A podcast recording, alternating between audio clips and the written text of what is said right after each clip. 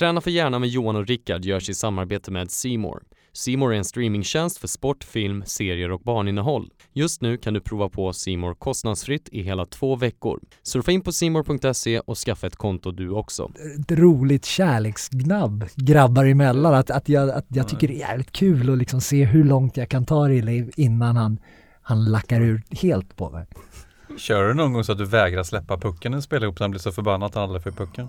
Nej men det var ju vardag när vi spelade. Det var. Man bara, åh nej, nu är det ma-" Du var bättre på träning för då fanns det fler puckar. Då kunde inte Nisse ta alla.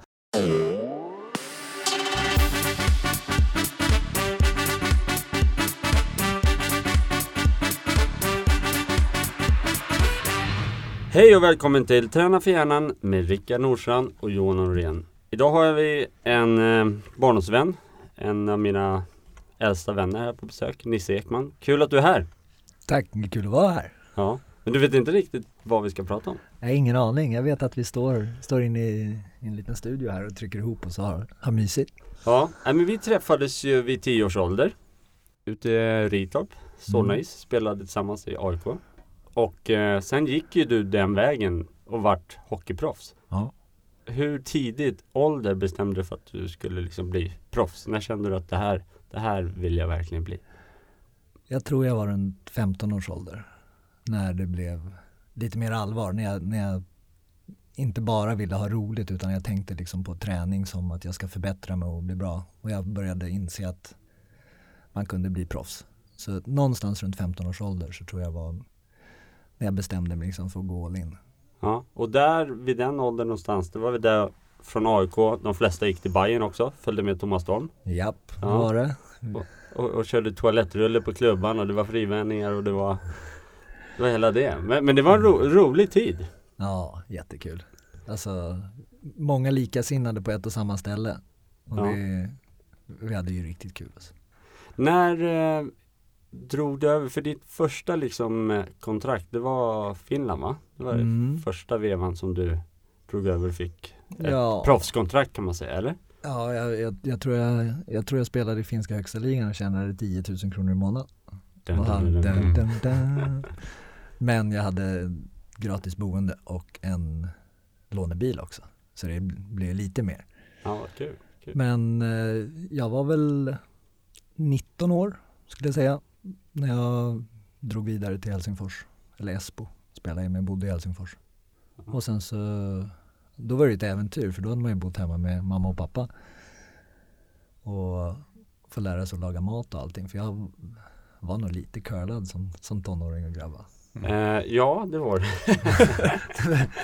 Du behöver inte fylla i och Nej, liksom nej. förstärka den. Du kan ju faktiskt säga nej. Nej, du var en eh, ensam varg och duktig. Ja. Nej, det var Men, men, eh, nej, men det är ju stort. Men för alla de här unga talangerna som är där ute idag och eh, jag vet ju att du är väldigt involverad i damhockeyn. Mm. Eh, om vi ska prata både tjejer och killar som vi gör. Vad är eh, liksom det viktigaste för att lyckas? Om vi pratar då att lyckan är att komma till NHL om det är dit man vill. Vad är liksom de tre viktigaste sakerna att tänka på?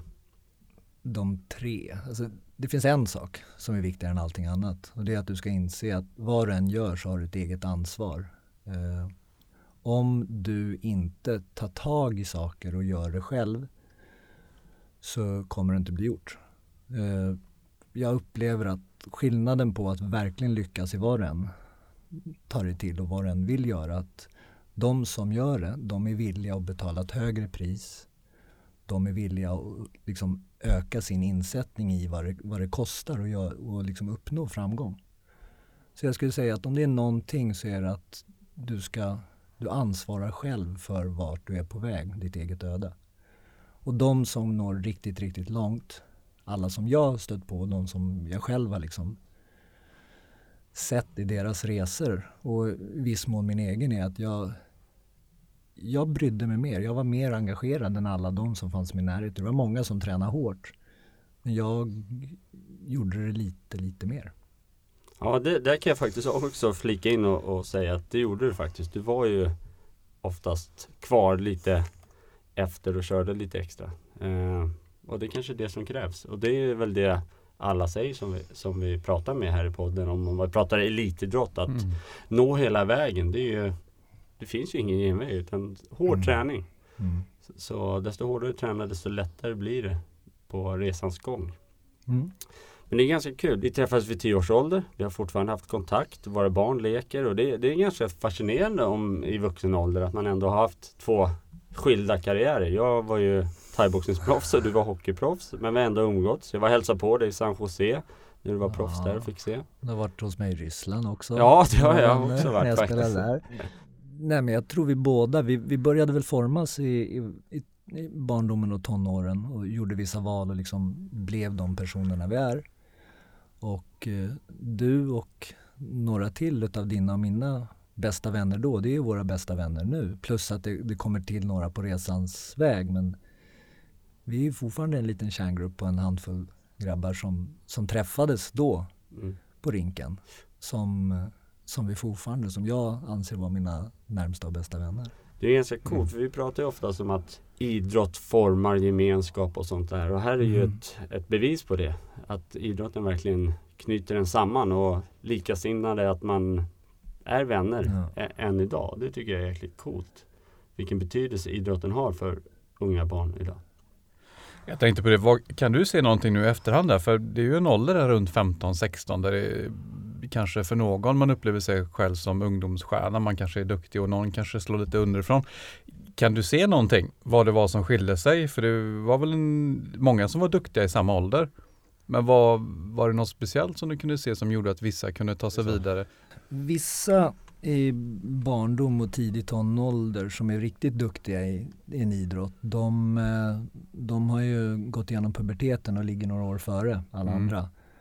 Och så fort det börjar jämna ut sig och alla kommer i fatt, då märker man ju att, att vissa som, som var jätteduktiga börjar fasas ut bara för att de, de hade mer muskler på kroppen. Men utav alla andra så är det väl förmågan att hålla ett fokus på att liksom forma beteenden och dagliga vanor. Att man, att man inte bara säger, ja men jag är bra på hockey, jag ska, jag ska spela matcher och göra mål. Utan att man i tidig ålder på något sätt fattar att det är de dagliga beteendena och vanorna som man bygger i, med träning, med prioritering utav kost, med prioritering av att vila och sova när andra hittar på annat gör att man i långa loppet, för det är, det är vad det är att att bli elitidrottsman eller kvinna, det är, det är ett jävla maraton Mm. som man ska kuta på. Man får inte glömma bort att det är liksom här och nu, den dagen och det det är det svåra, liksom ha självdisciplinen att prioritera det dag ut och dag in, år efter år, om och om, och om igen. Och det är hur- inte alltid roligt. Hur men- kom du på det då? Kom du på det själv eller fick du hjälp med det? bra förebilder. Jag hade lite tur. Jag hade några ungdomsledare som var fantastiskt bra ledare och sen så mamma och pappa tycker jag stöttade mig och ledde in mig liksom. De är vettiga människor, bra förebilder och, och de, de ledde in mig på liksom och försökte förklara pedagogiskt vad, vad som gällde, vad som förväntades, vad jag vill. Och så sa de bara, du det där är svårt grabben. Har du tänkt igenom det här? Ja, ja, ja, det har jag. Ja, Okej, men du vet att det innebär det här och det här? Jaha. Så det, jag, jag, det var många små saker som, så här, som jag fick inse och lära mig själv, men som, som gjorde liksom att jag, jag, jag lotsades in på rätt väg skulle jag vilja säga, utav förnuftiga människor i min närhet. Du säger att dina föräldrar stöttar dig eh, mycket och det är också sånt. För jag förstod att du gick ju aldrig gymnasiet utan du drog ut till Finland efter Jag gjorde, jag gjorde två vändor. Jag har gått, jag har gått färdigt första ring ja. med, med bra betyg. Men sen så började det bli svårt för att jag kom in i seniorhockeyn och då tränar man på förmiddagarna och runt lunchtid. Och det, det blev ju total pannkaka med skolan. Och jag var ju väldigt tydlig med att jag, jag visste vad jag skulle göra. Och där har jag faktiskt några gånger hamnat i så här frågestund med mamma och pappa för de är ju båda akademiker och har pluggat vidare på universitet och, och så hur de kunde släppa den. Hur, hur kunde du göra det liksom? För nu, jag, drog ju ut liksom vad jag skulle göra i livet. Det var ju, hade det skitit sig då, då hade det varit svårt för mig. Men de menar på liksom att det, det gick inte att säga emot. Det var, det var klart. Du visste och vi visste också vad du skulle bli. Ja det är coolt. Ja. Cool, cool resa att höra. Men hade du en bild då? Hade du en klar tanke om att det här så här kommer det se ut? Alltså kommer du ihåg nu hur du tänkte då? Ja. Jag hade köpt lite, lite psykologiböcker. Jag tror jag hade fått någon. Och jag började liksom jobba med så målbilder och eh, tankar om vad jag skulle göra. Och satt hemma och grubblade hur jag skulle träna för att bli som bäst på just det jag ville bli bra på. Så jag hade, det var många saker i tidig ålder som föll på plats på, på, när jag kan titta tillbaka på det ett bra sätt. För jag kom ju, jag är en innerstadsgrabb. Mm. Jag gick ju i skolan inne i stan och det, det fanns ju, även om innerstan var lite annorlunda då med parklekar som fanns överallt och möjligheten att leka på innergårdar som var öppna. Så det var ingen idrottsmiljö.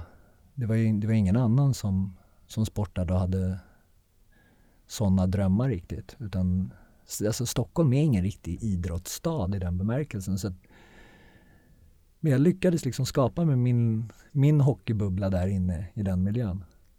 För det är, för jag vet det finns på, på Youtube, man kan se hur du tränade när du var yngre men det intressanta jag tycker det är ju hur man tränar mentalt. För vi alla tre här har ju spelat ishockey med lite olika utgångar kan man säga. Mm. eh, och det är ju de här mentala aspekterna kan jag tycka är intressanta. När man mm. är där 15, 16, 17, 18 för det är mycket som händer i livet eh, och beslut som ska tas. Men hur jobbar du mentalt? Du säger att du köpte böcker och, och liksom, var det ett dagligt arbete att du mål, jobbade med målbilder och visioner? Och, det var inte så många idrottspsykologer. Jag vill minnas att Lars-Henrik Unestål, eh, Ville Railo hade ett par böcker som Just han hade det. gett ut. Och jag vet att jag köpte någon. Eh, jag gick liksom till biblioteket och började läsa i hyllorna där det stod om idrott. Eh, men jag, vet inte riktigt varför, utan det var mer att jag liksom tänkte mig att jag, jag har bestämt mig men jag visste liksom inte riktigt hur jag skulle göra det som grabb. Men jag hade ju ett brinnande intresse. Det var liksom så här, jag vet vad jag vill, jag vet bara inte riktigt hur jag ska, jag ska ta mig dit. Så då, nej, jag, jag är nyfiken. Jag är fortfarande en nyfiken person. Men så jag, jag, jag, jag jobbade mycket med, alltså jag, jag förberedde på träningar, jag skrev små saker på händerna och jag skrev saker på hockeyhandskarna. Så, här, så liksom, lite så fokus vad jag skulle tänka på just den dagen eller vad jag ville förbättra så att jag inte bara, bara tränade utan jag tränade med ett syfte. Det där är ju sjukt spännande. För där kan man väl reflektera lite till som du hade. Du var bra på träning men du tyckte det var jobbigt att spela match Johan. Jag tyckte det var hemskt att spela match. Jag tyckte det var hemskt att veta om att det var match som liksom var på gång. Jag tyckte det var jättekul att träna. Jag älskade verkligen att träna. Men, men när matchen kom så fick jag totalt blockader och blev jättenervös. Det och det liksom verkligen låser sig hela kroppen. Det är väldigt vanligt. Men det är ganska roligt för Nisse när det varit match, han släppte aldrig pucken. så, så, det är verkligen en stor, stor skillnad på ett år. Jag vill inte ha pucken för jag tyckte, det enda jag tänkte på det var ju rädslan för att misslyckas. Jag gjorde vad som var bäst för laget. ja det gjorde du ofta så. Så gjorde du mål också men det var roligt. Man bara kommer Nisses kedja, man bara fan då får man ingen passning i den här matchen eller? Nej, det var roligt. Men eh, när det liksom drog det över till NHL, det måste ju ändå varit det liksom lyckan i livet. Liksom första steget att säga wow, nu är jag här, nu har jag min biljett över. Ja, men det var inte, alltså, det var inte så att det var helt öppet och klart utan jag, jag fick ju åka över. Jag blev ju draftad som tonårsgrabb för jag, Calgary Flames draftade mig och liksom jag var ju duktig, det var jag. Men eh, sen ville de inte ha mig och signa kontrakt med mig. Så jag åkte över och spelade i en oberoende, en, en farmarliga som inte finns längre, som heter IHL. Bodde i Los Angeles, spelade i Long Beach Ice Dogs och hade väl tänkt mig att spela där en hel säsong för att liksom någon annan klubb skulle få upp ögonen för mig. För hur bra man än spelar lite här hemma, så på, på 90-talet så var det knappt så att liksom stjärnorna i VM och i landslaget fick åka över till NHL. Nu, är det, nu signar de ju unga grabbar till höger och vänster när de är tonåringar bara för att de har inget val för lönetaket har förändrat hockey. Men jag ville liksom, jag tyckte att jag hade bevisat att jag hade varit en toppspelare i finska ligan som på den tiden var lika bra som SHL, då svenska elitserien. Jag kände liksom ingen utmaning mer i Europa. Men Calgary ville inte signa mig så jag åkte över och spelade och tänkte det här tar jag. Men det tog bara en månad så hade mina rättigheter blivit bytta till Tampa Bay Lightning. Sen förhandlades det lite med agenten och klubben och så signade jag i Tampa och eh, gjorde väl min debut någon gång i, ska säga slutet november. Mm. Kommer du ihåg din första match? När du kommer in, får på dig tröjan och åker in jublet? Nej, inte direkt, inte riktigt. Jag kommer ihåg mitt första mål några matcher senare. Jag kommer ihåg säsongen i stort. Jag, kom, jag kommer ihåg saker jag gjorde, kläder jag hade på mig. Mm. Ibland har man ju kvar dem i garderoben och kan skratta åt hur fan, fan man såg ut. man tyckte man var så jävla skön.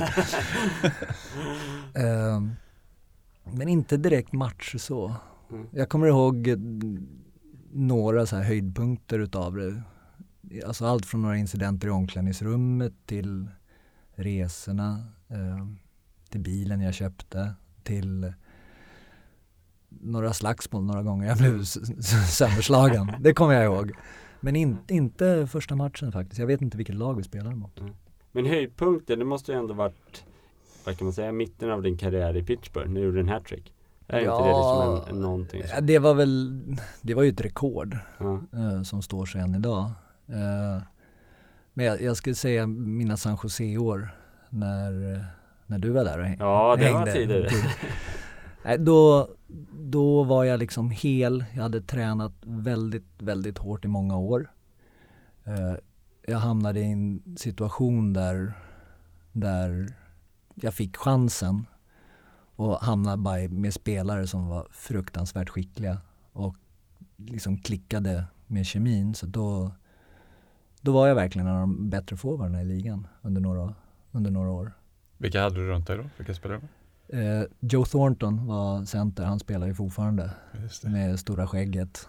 Eh, fantastiskt, alltså en Hall of Famer, en av de bästa genom tiderna i NHLs historia, spelsinne. Mm. Han är helt magisk, det var liksom allt gick ju genom honom. Det, det, var han som var motorn och styrde allt i liksom hela spelet. Hade, så det funkade bra. Jag var, jag var ett bra, vi brukar skratta åt det när vi sitter fortfarande. Jag var ett bra decoy för jag, jag var så jävla snabb och drog till med mycket uppmärksamhet så att jag, rollfördelning liksom, jag farde runt som ett yrväder och passade till Joe och sen så hade vi en, en sniper till Jonathan Chichu som, som bara skulle skjuta och han sköt bra den här jäkeln. Vi, vi tre hade ju liksom, vi hade kemi och det gick jätte, jättebra i två års tid. Så det, det, var, det var riktigt, riktigt kul att spela då för då var det, jag presterade bra. Jag var viktig för ett lag som var, vi var ju bäst i ligan. Vi vann ju inte. Vi åkte ut i semifinal mm. i två år och eh, föll lite på vår egen självgodhet faktiskt. Vi, vi, vi ledde finalen med 2-0 i match, eh, semifinal, alltså conference final med 2-0 i matcher. Eh, och vi hade redan liksom så här, vi avancerat, nu är vi i final och började snegla mot vilka vi skulle möta och vi visste att Tampa ledde på andra sidan och vi hade spelat fyra matcher mot dem det år och vunnit alla fyra. Och liksom vi, vi, vi såg oss själva höja pokalen och mm. börja fundera över vart, vart jag skulle ha festen. Oj. Och då, då torskade vi fyra matcher i rad mot Calgary. Puckarna studsade snett, alltså så här sjuka snedstudsar. Och så var det slut. Men vi var ju fortfarande riktigt bra lag men det är små marginaler under ett slutspel också. Om man, om man ska liksom dra din karriär sedan du kom till eh, NHL, hur många säsonger gjorde du där borta? Fem och en halv. Ja.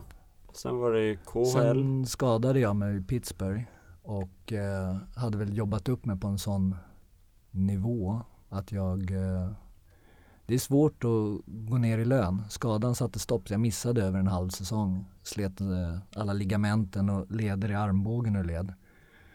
Och eh, på den tiden så hade Ryssland eh, betalade mycket pengar och jag kände väl att jag hade fått barn.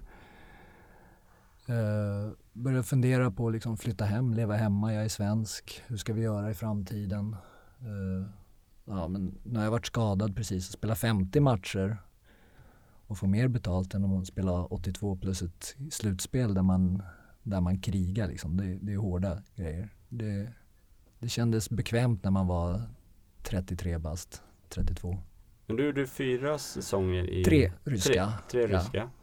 Och sen kom du hem till Djurgården. Mm. Hur många säsonger hann du köra där innan ditt liv tog en? Jag eh, trodde att jag skulle köra, jag trodde jag fortfarande skulle spela. jag tycker det är så jävla kul.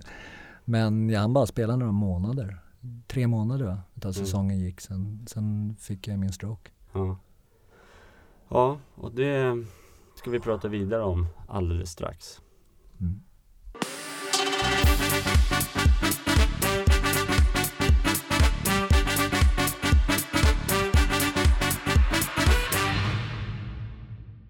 Är du nyfiken på Rickard och Johans gemensamma träningsresa till Marbella? Nu finns det platser tillgängliga till vårens Marbella Camp mellan den 5 och 8 april. Besök rickardnordstrand.nu för mer info och anmälan. Ja, då backar vi tiden till eh, december 2010. Den 26 december va? Mm. Var, då ändrades li, ditt liv radikalt kan man ju säga. Mm. Eh, kan du berätta vad som hände? Uh, jag uh, hade spelat en hockeymatch eh, för Djurgården, SHL, eh, kvällen innan.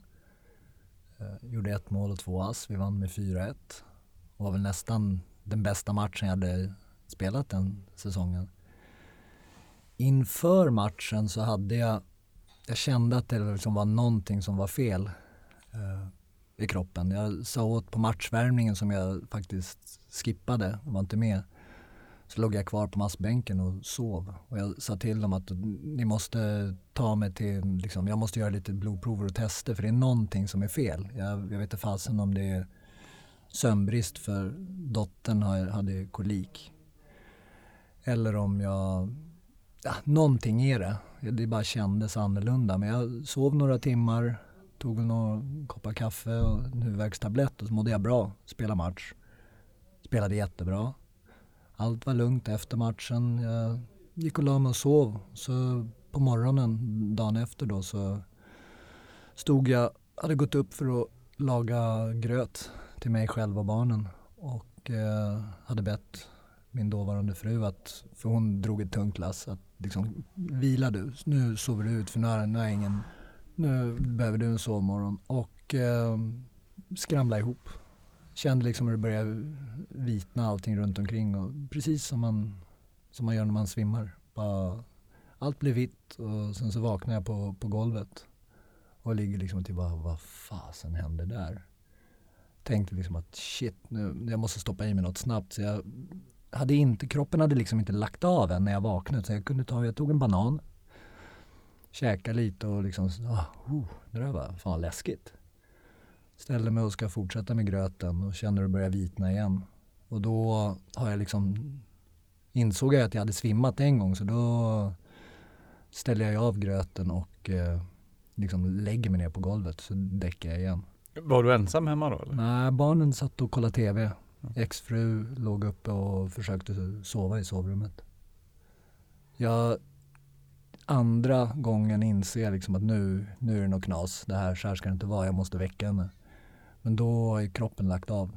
Då har jag liksom tappat balanssinne och förmågan att röra musklerna. Så jag, eh, jag kan liksom inte sätta mig upp ens utan jag, jag börjar kravla för att ta mig. Jag ville inte, det var inte många meter till att barnen satt i vardagsrummet och kollade TV heller. Men jag, jag kände liksom, det var någonting som är fel. Man, det, jag tror jag ville inte skrämma dem. På något sätt reagerade jag liksom att jag inte skulle påkalla deras uppmärksamhet utan jag ville liksom dra mig bort från dem. För jag, jag tänkte liksom, jag måste, jag måste till, upp till frugan. Det, det tar ju tid. Jag, jag, vet inte hur många gånger jag svimmar och hur, eh, vad jag men jag, jag tar mig upp till henne och hon blir helt Alltså hon, hon skriker ut så ringer hon ambulans och sen går det fort. Sen kommer ambulans dit och hämtar mig och tar mig, tar mig till sjukhus. Ta, kommer in akut på Danderyd. försämras i skicket så pass mycket så att eh, Danderyd bedömer att de inte kan ha kvar mig utan de skickar mig vidare till Karolinska. Där de har liksom bättre maskiner och större magnetröntgenkameror och ännu mer kompetent personal.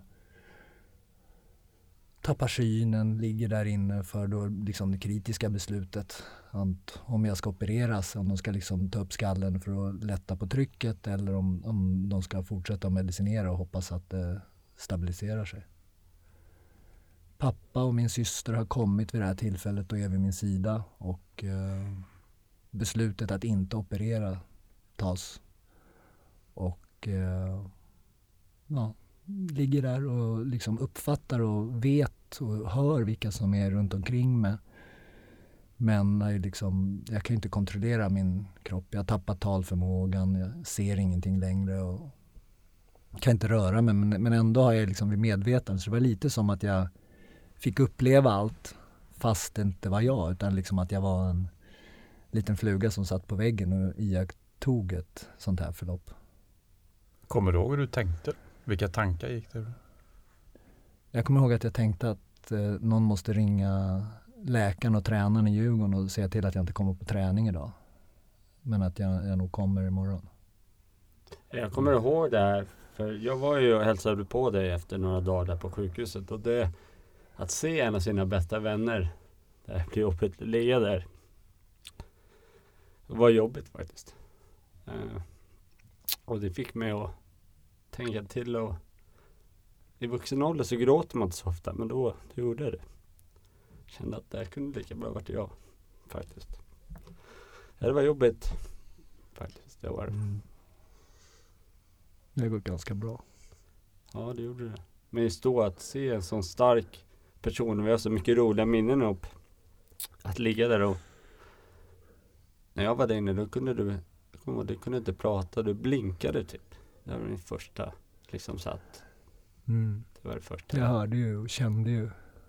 Det är roligt hur när sinnen lägger av och när man inte kan kontrollera kroppen så tar andra sinnen över. Och luktsinnet och, och hörseln, saker som, man, som jag ändå kunde registrera eh, när jag låg där.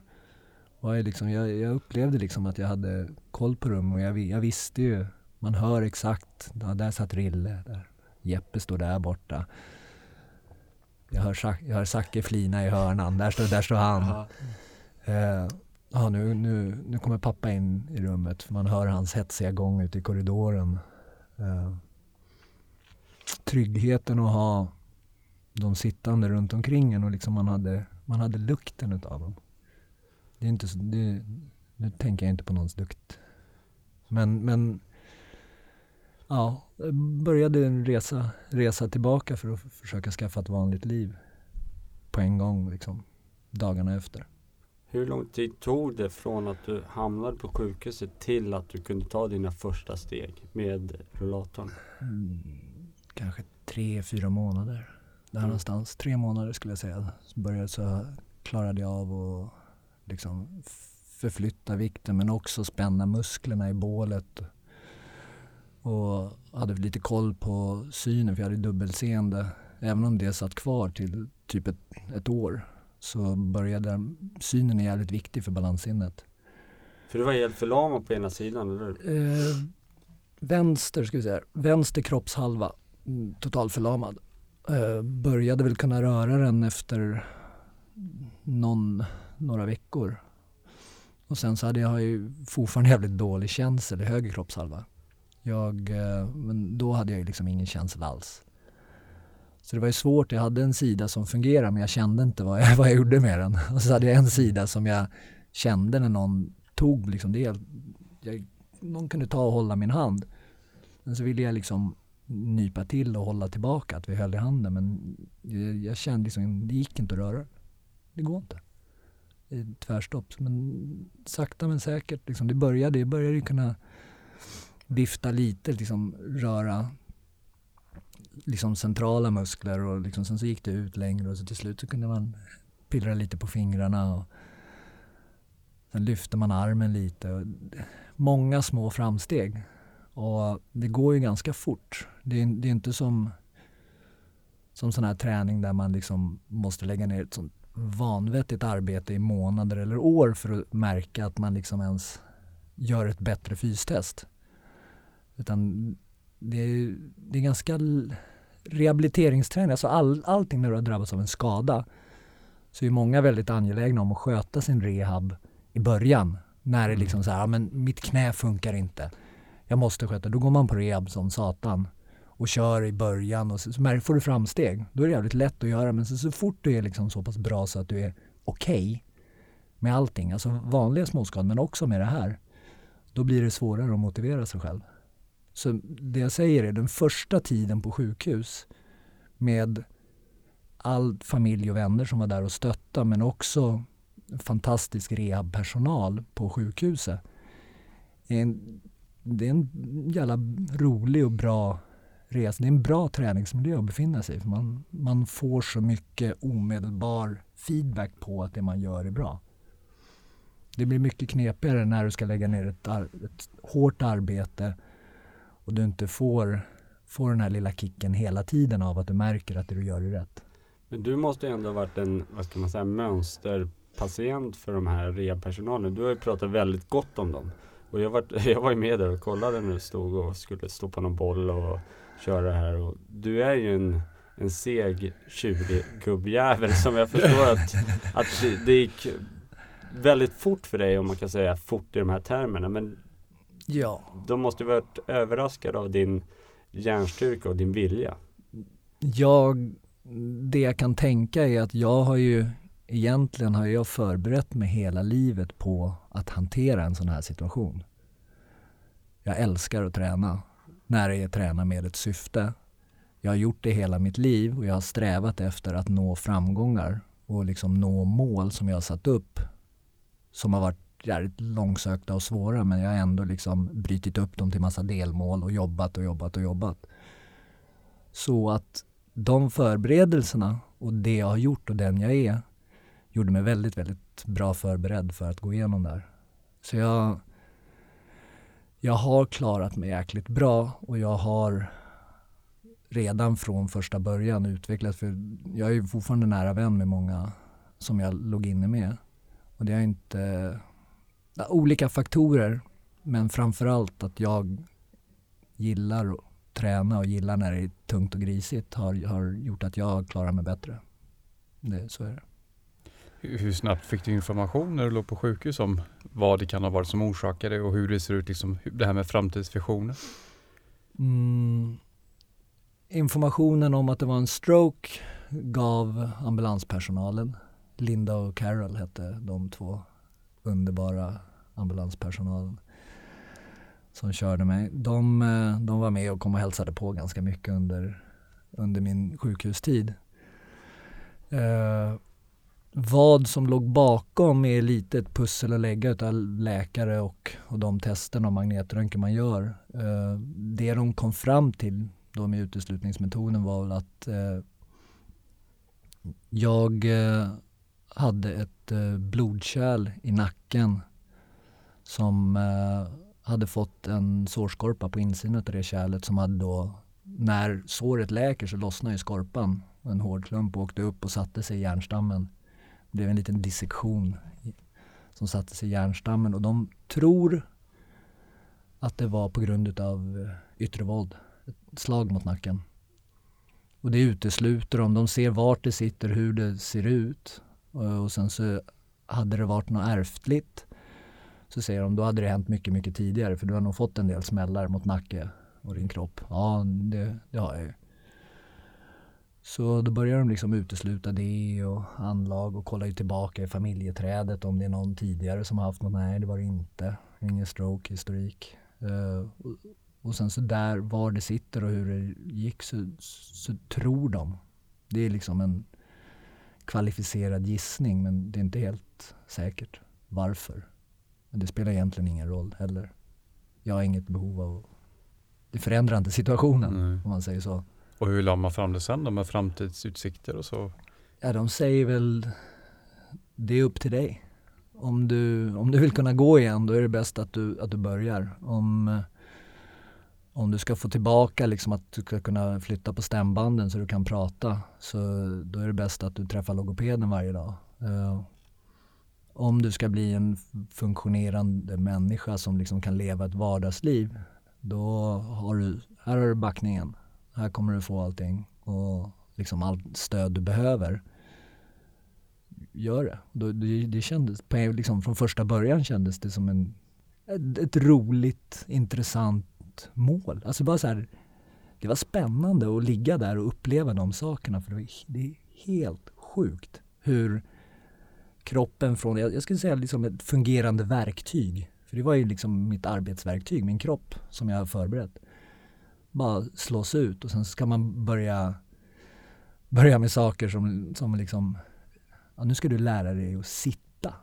Du ska försöka lyfta huvudet en bit upp så att du får upp huvudet. Sen så fäller vi upp ryggstöd i sängen så ska vi försöka sitta i några sekunder. Och när man klarar det första gången så är det bara Kolla, jag sitter, jag sitter. Lära sig att pissa och bajsa igen, själv. Inte att ta sig till toan, men, men liksom att i början ligga på sniskan och få kateter.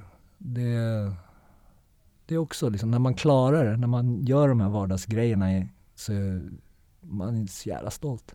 Man tänker tillbaks till du säger, du, du började när du var 15 och köpa böcker om idrottspsykologi. Eh, och när man får en sån här utmaning, jag tänker på det här med förbittrande tankar. Varför jag och varför blir det så här? Och hade, du, hade du tid med det eller? Alltså det, det är inte jag heller. Liksom. Det, det tjänar ingenting till. Det var ju där och då, här och nu. Ja, det här har hänt, här är jag. Vad vill jag? Ja, jag, jag vill det där. Vad gör de tankarna för mig? Ja, de sätter, det är ju ett hinder. Det är ju saker jag kan påverka. Antingen så kan jag snyfta över det här och känna att det är så jävla orättvist och det här, men då kommer jag inte kunna leka med mina barn igen. Då är det liksom, ja men då kastar jag in handduken. Det gör vi inte, eller hur? Nej det gör man aldrig. Det sa jag till min tränare när jag boxades också. Ta aldrig med den handduken för den ska inte kastas in ändå. eh, så, så, det är så du har rätt. Helt ointressant. Alltså det... Nej, jag är en obotlig optimist.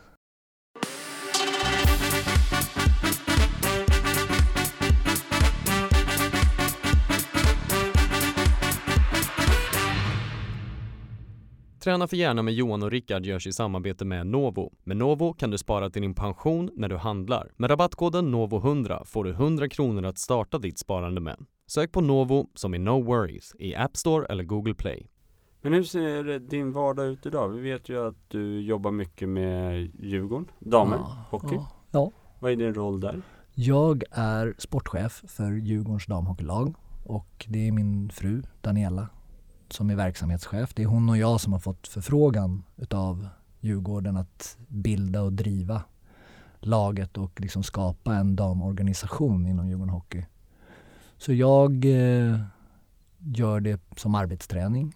Eh, det innebär ju att Försäkringskassa och arbetsgivaren och Arbetsförmedlingen och så är inblandade för att liksom hjälpa och stötta mig för att det, det behövs ju stöd för att jag ska liksom ta mig tillbaka till ett normalt arbetsliv. Hur funkar det att jobba med tjejer? Eh, du, du... Nej, toppen. Toppen? Ja. ja. Berätta. Ja. Vad är skillnaden? Kontrasten att liksom vara det här äh, gemenskapen i omklädningsrummet och det snacket. Jag gissar att det inte är samma snack i ett oh, kvinnligt omklädningsrum. Jo, Eller är det, det? det är ju det. Alltså, de, är, de, är jävla, de är jävla grova i käften alltså. De är råa. Ja. På ett, Hör på ett roligt och Kanske ska ta ett stugbesök. ja, de, nej, tjejerna är toppen. okay. Det, det är svårt, alltså jag, jag försöker väl se dem som individer och ja. egentligen så här, bara lära känna dem och förhålla mig till alla runt omkring en och inte tänka på liksom könet och ha förutfattade meningar om, och bara generalisera. Mm. Men eh, det finns skillnader jag skulle säga en, en tydlig skillnad är att, att de, de vill ha ett varför. Give them the why. All, allt man, man liksom försöker säga eller någonting så kommer alltid frågan tillbaka att de vill förstå varför och vad tanken bakom det är.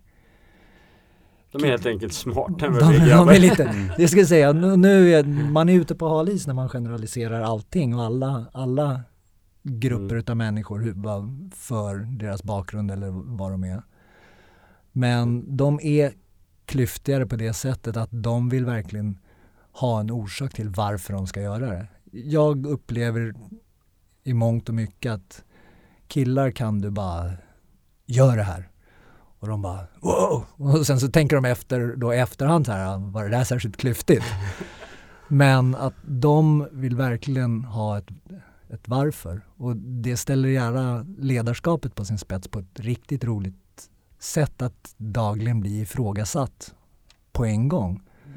Som ledare så har du roligare och större utmaningar i, eh, i ett damlag än vad du har i ett herrlag. Och grattis till SM-guldet kan vi passa på. Va? Förra året? Ja. Ja, Ja. coolt. Eh, Tre år har vi funnits och nu är vi regerande mästare. Ja. Sitter på tronen. Känns bra. Det är grymt. Jag har ju faktiskt fått varit med och, och träna några pass med, med just damerna och min Mm. son också. Mm. eh, Tillsammans med Melvin, din son. Mm. Eh, och det som jag har känt är att de, de är ju mer omtänksamma och liksom så här, men vill att våra grabbar kan få köra före och sånt där. Och det, det kanske man inte ser när man kör med, med grabbarna. Att de, de, de har lite mer hjärta och lite så här. Ja. Det finns förstås tjejer som skulle trampa över lik också för att uppnå sina drömmar och visioner. Eh, likväl, alltså som andra, som, som andra idrottsutövare som jag kanske själv har sållat mig till. Den skaran som liksom vill, vill nästan göra vad som helst för att uppnå någonting. Men tjejerna, gruppen som vi har att jobba med är så jävla, jävla fina. Det, det, det är en kick att vara där. Det är jävligt kul att det inte tar energi utan att jag, jag upplever att jag kommer dit och får energi. Jag får liksom endorfiner, jag får glädje. Jag får uppleva den här lagsammanhållningen som man är uppväxt i. Men jag, jag vet inte om att det är att det är tjejer eller att jag bara uppskattar det ännu mer. Men jag, jag har roligare. Jag tycker att jag har en bättre gemenskap i det här laget som jag har varit med och skapat än vad jag upplevde som, som aktiv. Eh, om vi tänker på det här då, Träna för hjärnan, podcasten här. Ehm, om man tänker på det här med små steg. Mm. Generella uppfattningen att som vuxen så vill vi gärna hoppa från A till Ö, att snabbaste vägen är bästa vägen. Mm. Du försattes ju i ett läge, skulle man ju verkligen kunna säga, där du var tvungen att fokusera på de här små stegen. Mm. Kan du berätta lite mer om det? Hur, hur små var de små stegen för att ändå få konsekvenserna som vi ser nu? Det, det var ju väldigt, väldigt mycket att göra. Och alltså, det var ju så många förbättringsområden eller många saker som jag alltid hade tagit för givet som inte funkade längre. Många blir deprimerade, väldigt många får, får käka medicin för att man mår dåligt under och efter sin stroke.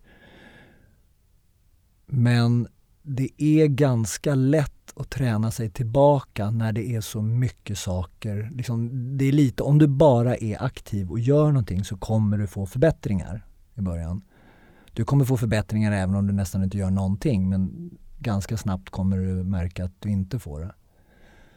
Så det var ganska lätt att sätta upp dagliga mål för att när liksom logopeden kom och jag skulle försöka få, ut, få ur mig ett ljud och när man liksom anar och hör att det är någonting som låter som ett b, b då, då blir man, ju- alltså man får den här omedelbara kicken som gör att man, man liksom taggar sig och att man vill fortsätta. Det svåra är ju vardagslunken skulle jag vilja säga för, för mig själv nu och motivera mig att träna. Men också för alla, alla vanliga Svenssons eller all, alla som tränar att, att fortsätta och göra det och förstå att, liksom att du mår bättre. Du får så mycket extra saker utav att träna. Att göra det för sin hälsa och sin hjärna. Eh, det är svårt när du inte får, alltså för mig är det jättesvårt när jag inte får feedback eller när jag inte känner resultat. Då är det svårt att pressa mig, ännu svårare nu. Och det, är- det är väl lite som alla människor har. Liksom, ja, men jag ser väl halvsnygg ut med kläder på. Jag, jag är nöjd där jag befinner mig och jag behöver egentligen bara gå i trappor och promenera till jobbet. där jag ändå sitter ner största delen av min tid. Det behövs mer för att man verkligen ska liksom lägga ner ett arbete på det det, det liksom, man håller sig flytande. Mm. Och det tycker jag väl är det svåra i livet, att, att, att motivera sig själv när man inte riktigt, riktigt behöver det för att klara sig. Men man fattar liksom att det är bra för mig. Ja, då kommer jag direkt att tänka på det här Vasaloppet. Som, du- som du bestämde dig för att göra. Hur kom man på det helt plötsligt efter man har liksom legat på stroke och Eh, liksom Det är inte mm. kanske första som kommer upp. Nej, nej, för mig var det, En utmaning bara gissar jag. det var en utmaning. Alltså jag ville ha någonting att göra och det var nog lite en slump. Eh, Den viktigaste faktorn egentligen, det som fick mig att göra det, allra mest var egentligen inte för min egen skull utan det var för min vän Darius som eh, hade mått dåligt och hade, hade det kämpigt i livet. Han, eh, han hade väl kämpat lite med ett missbruk ett. Vem är Darius? En, en hockeykollega som är, står mig väldigt nära, en fantastisk människa. Som jag umgicks mycket med och som jag spelade hockey med. Och han behövde verkligen göra någonting, hit- hitta lite, lite, bara lite vardagskickar och lite någonting roligt och någonting att träna. Så att från början så, så höll jag på där i min rehab och grubbla över någonting som jag kunde aktivera honom med för att han skulle hålla sitt huvud på någonting. Så det började med att jag försökte hitta på någonting som jag insåg så här, det här är så, det är så jävla svårt att göra och för, för oss som aldrig någonsin har stått på skidor, alltså aldrig har han stått på skidor och jag då som precis hade lärt mig att gå skulle börja träna på, på, några, på ett år för att åka Vasaloppet. Så det började så och sen så snabbt så umgicks jag med Kristin Kaspersen väldigt mycket. Fantastisk varm, varm och mysig person som snabbt hoppade på det här och tyckte det var jättekul och ville vara med. Och började liksom, vi började med en insamling till Strokefonden. För det filmades också, gjorde det inte det? Eller? Ja, Ja. det, det filmades av ett team och liksom dokumenterade våra träningsresor och våra förberedelser och, och allting som sändes i, i samband med Vasaloppet och så. Där de följde oss på plats och hur det gick och vi åkte ju den här Harsa skidmaraton och var uppe och tränade eh, uppe i fjällen flera gånger så det, det dokumenterades. Och sen så var det en insamling där vi när vi väl kom till loppet så var det en insamling där vi drog in jag kommer inte ihåg, jag skulle säga 100 kronor eller 1000 kronor per kilometer och en massa företag som hade gått in. Så det, det blev ganska mycket pengar för varje kilometer jag klarade av och då, då var ju liksom tanken att jag drar in så jävla mycket pengar till Strokefonden för varje kilometer jag klarar så jag kommer fortsätta att pressa mig. Och hade jag inte haft det just då så, så hade jag aldrig klarat loppet för jag, det var för mycket. Alldeles för mycket att ge sig på. Men du tog det runt? Ja, lite, ska vi säga, nio timmar. Wow. Åt, 8.59. Det är till och med snabbare än Markoolio. Marco är ett, Ja, det, det är tur det. Ja. Vad intressant det här med målsättningarna då. Mm. Ja, men man, man ska ju verkligen försöka applicera det i vardagslivet hela tiden för att motivera sig själv och göra, göra saker som är svåra. Man ska pressa sig själv hela tiden. Om du vill uppnå utveckling Mm. så måste du pressa dig och kliva ur din bekvämlighet, din comfort zone och, och få någonting gjort. Och det är lätt, alltså går du igenom en riktigt trauma, någonting som är för jäkligt, då är det lätt att motivera sig själv. Då inser man väldigt många saker om sina prioriteringar och om man har sprungit på för mycket, att livet har varit si och så. Man, man uppskattar andra saker men också det här att hitta vardagsglädjen Mm. uppskattar du väldigt mycket mer också. Så att det kan ju i mitt fall liksom, det kan ju vara en välsignelse att jag har gått igenom det jag har gjort för att jag är ju jag är jävligt lycklig just nu. Och försöker väl liksom, jag njuter väldigt mycket och försöker väl sprida glädje lite mer än att jag försöker uppnå glädje för mig själv. Så, och då blir man också en, ännu lyckligare. Men jag har svårt att motivera mig själv att träna nu. Hur ofta säger du till mig, kom ner nu? Ja, ja, jag försöker tjata på det men nej, sist var du faktiskt förbi och tog en kaffe i alla fall. Ja, så, så det är nära. Ja, Ja. ja. Nej, jag är väldigt, väldigt tacksam att du tog dig tid och kom och pratade med oss Nisse. Mm. Jag hoppas att vi har många år tillsammans som vänner och Det har vi. Vi, Ja. vi ska inte vi ska inte dra pinnen. än. Nej, nej Nej. men Ja, jag är vad som helst för dig Rille. Tack snälla. Stort tack.